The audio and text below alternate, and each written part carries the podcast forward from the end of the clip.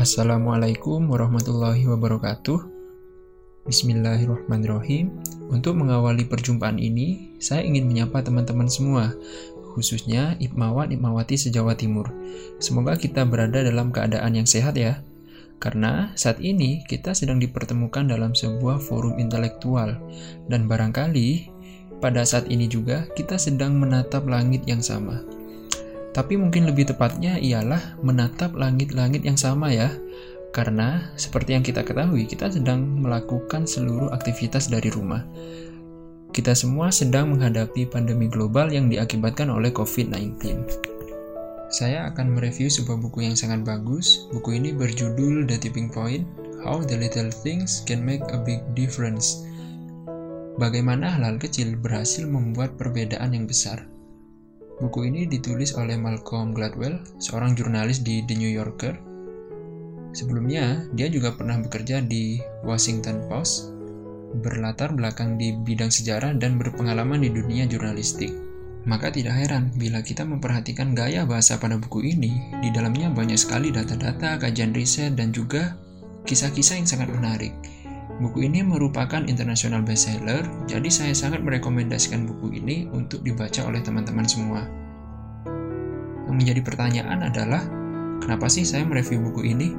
Padahal kan banyak sekali buku-buku lain yang juga bagus. Jadi sebenarnya alasan saya mereview buku ini adalah adanya hubungan yang kuat antara isi buku Tipping Point dengan sebuah kondisi pandemi saat ini yang menjadi tren bahasan di seluruh lapisan masyarakat global. Mari kita perhatikan, pada awal kemunculannya, virus ini memiliki skala yang kecil, angka yang kecil, dan juga pengaruh yang kecil. Lalu, dengan memahami sifat dan karakter pada sebuah virus, yaitu memiliki kemampuan untuk menular, menyebar, hingga membuat sebuah pandemi. Hingga akhirnya, COVID-19 ini mampu mencetak angka yang sangat besar dan telah mempengaruhi seluruh aspek kehidupan pada masyarakat global dengan sangat signifikan. Sama halnya dengan fenomena virus ini, buku Tipping Point menerangkan bahwa untuk menciptakan hasil atau perbedaan yang besar, kita tidak harus memulainya dengan tindakan yang besar juga. Tetapi, kita bisa mencapai hal itu hanya dengan memperhatikan hal-hal kecil yang ada. Ini merupakan tawaran yang sangat memikat dari seorang Malcolm Gladwell. Mari kita lanjut. Sama seperti satu orang yang sakit flu, dia dapat menularkan banyak-banyak orang, yang kemudian akan menyebabkan epidemi flu.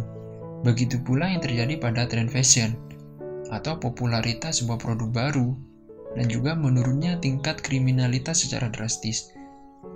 Di buku ini, Malcolm Gladwell menyelidiki dan menjelaskan bagaimana fenomena terjadinya tipping point, yaitu tiba-tiba menjadi tren, tiba-tiba menjadi viral, ataupun sebaliknya, bagaimana sesuatu menjadi redup atau tiba-tiba menjadi hilang.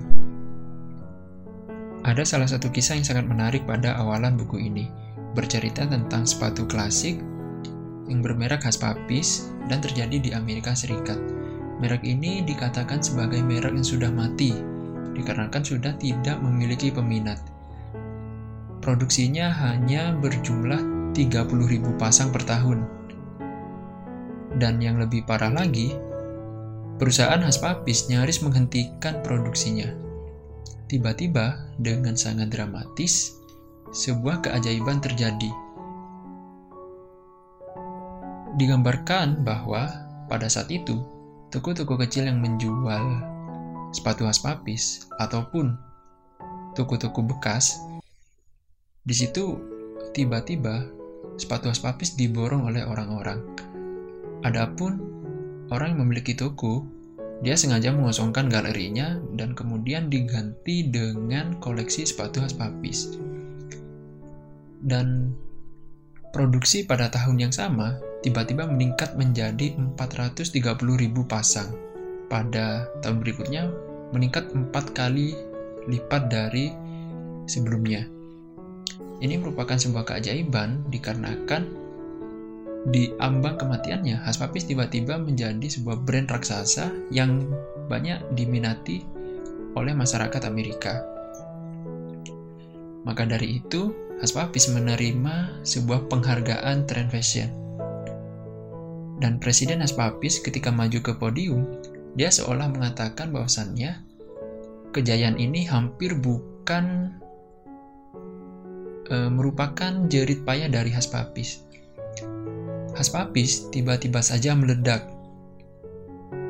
Ini seolah mengatakan bahwasannya e, perusahaan dari Haspapis sebenarnya tidak memiliki peran yang penting dalam menjayakan produk Haspapis ini.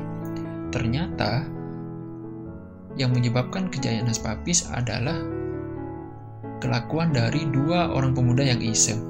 Dua orang pemuda ini iseng memakai Haspapis karena ingin tampil beda.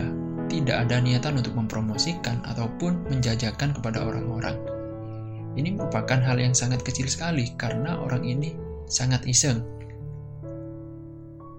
Sebagaimana kita ketahui, Haspapis sudah tidak diminati sehingga orang-orang di Amerika Serikat tidak lagi memakai Haspapis. Kemudian ada orang yang ingin tampil beda. Yang ternyata justru eh, keisengan ini telah mengantarkan Haspapis kepada masa kejayaannya. Jadi kita bisa menyebutnya dari peristiwa ini bahwa di ambang kematiannya Haspapis tiba-tiba dengan sangat dramatis berubah menjadi brand raksasa yang paling digemari. Atau pada saat itu Haspapis mencapai titik tipping. Dan kisah ini telah merancang pemahaman kita untuk lebih peka terhadap perspektif yang ditawarkan oleh Malcolm Gladwell pada buku ini. Mungkin setelah mengetahui kisah dari Haspapis ini, dari kita dengan sangat tiba-tiba dan juga dengan sangat dramatis, menginginkan sebuah hal yang nantinya akan berdampak besar. Tapi yang menjadi pertanyaan adalah bagaimana cara kita untuk mencapai hal yang besar itu? Atau apakah untuk mencapai sebuah titik tipping kita harus memulainya dengan ketidaksengajaan atau juga dengan keisengan seperti yang dilakukan oleh dua orang tadi. Dan supaya teman-teman tidak semakin penasaran, saya akan melanjutkan pembahasan pada isi pokok dari buku Tipping Point. Buku Tipping Point ini digambarkan sebagai epidemi sosial. Hal ini berasal dari sifat virus yang menular, menyebar hingga mewabah. Sehingga Malcolm Gladwell memberi teori tiga kaidah epidemi. Yang pertama adalah the law of the few, hukum tentang yang sedikit, yang kedua adalah the stickiness factor, faktor kelekatan, dan yang ketiga adalah the power of context, kekuatan konteks. Kita mulai dari yang pertama, yaitu the law of the few, hukum tentang yang sedikit. Yaitu menggambarkan bahwa sebuah dampak yang besar bisa dihasilkan melalui segelintir orang saja, yaitu orang yang memiliki karakter seperti the connector, maven, dan salesperson. The connector adalah orang-orang penghubung. Dia memiliki jaringan yang sangat luas dan ikatan pertemanan yang banyak. The Maven adalah orang yang memiliki pengetahuan yang luas dan dia senang membantu orang lain. Dan yang ketiga adalah the salesperson. Dia adalah seorang pembujuk yang sangat ulung. Dia adalah orang yang persuasif. Kemudian kita lanjut ke kaidah yang kedua, yaitu the stickiness factor, faktor kelekatan. Di sini digambarkan bahwa untuk mencapai sebuah dampak yang besar, kita perlu menanamkan dan melekatkan pesan-pesan yang kita berikan kepada semua orang. Seperti contoh, eh, iklan. Ketika kita mendengar kata Indomie, maka di benak kita bisa langsung berkata seleraku, atau sama halnya dengan RCTI Oke, SCTV 1 untuk semua, dan eh, contoh-contoh lainnya. Jadi, sebuah pesan ini dibuat dengan sangat menarik, sangat sederhana, dan sangat mudah dipahami, dan kemudian terus di terus menerus diulang, sehingga orang-orang dengan tanpa sadar sesungguhnya telah lekat dengan pesan ini. Kemudian kaidah yang ketiga adalah the power of context, kekuatan konteks. Maksudnya adalah kita tidak boleh hanya melihat dari lapisan saja atau dari permukaannya saja kita perlu menyelam lebih lebih dalam lagi supaya kita benar-benar mengerti apa yang sebenarnya terjadi di sana.